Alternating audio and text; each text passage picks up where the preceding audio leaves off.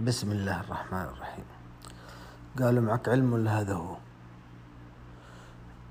يبحثون عن العلم وعندما لم يجدوه وسمعوا شيئا ليس فيه علم قالوها معك علم ولا هذا هو؟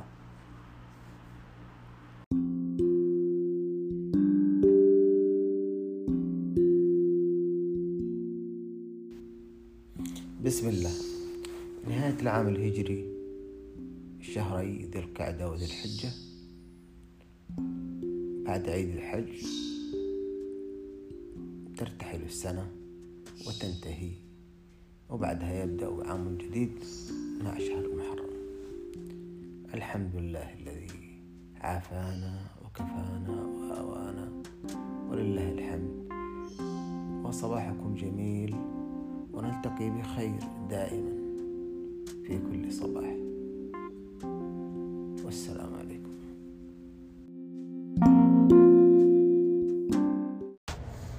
السلام عليكم ورحمة الله.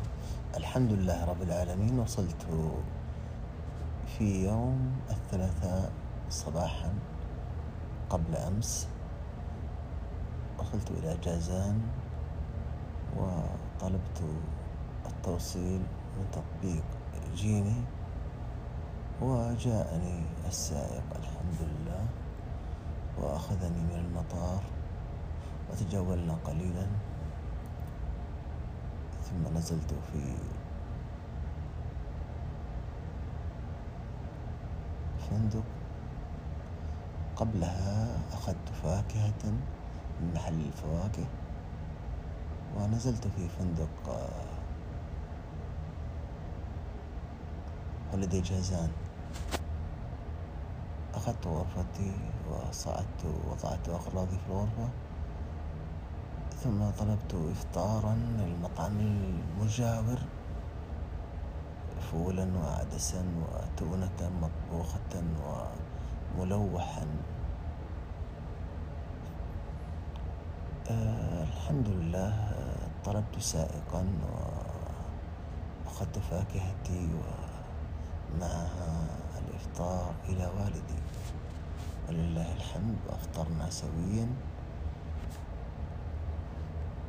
ثم عدت أدراجي لأنام. ولله الحمد. ذلك يوم الثلاثاء. في طريق العودة قابلت أبو سامي الأستاذ عثمان بن حسن زكري. ودردشت معه قليلا ومضينا إلى المحطة فحلف يمينا أن يوصلني إلى جازان فأوصلني إلى الفندق. فطلبت منه أن يشرب معي القهوة فاعتذر وغادرني. ولله الحمد. ارتحت ونمت ثم استيقظت واتصلت بأستاذ المهندسين المهندس علي الساحلي وتقابلنا في عقار المحيميد قريبا من مستشفى جازان والتقيت بالأستاذ يحيى السنوسي أيضا هناك. كان مساء طيبا وبعدها افترقنا ومضيت لأقضي تلك الليلة. في مركز الإحسان في برج الإحسان في المقهى واللانج في الدور الخامس مقابل دوار الصدفة. وكانت ليلة عجيبة لها حلقة أخرى.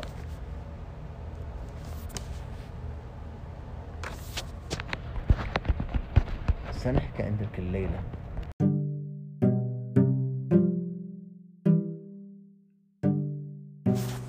معلم من الرياض. قابلته في القاهرة. معلم من الرياض قابلته في القاهرة. ليس سبيعا أو ثمين ولا خميسا بل سديس.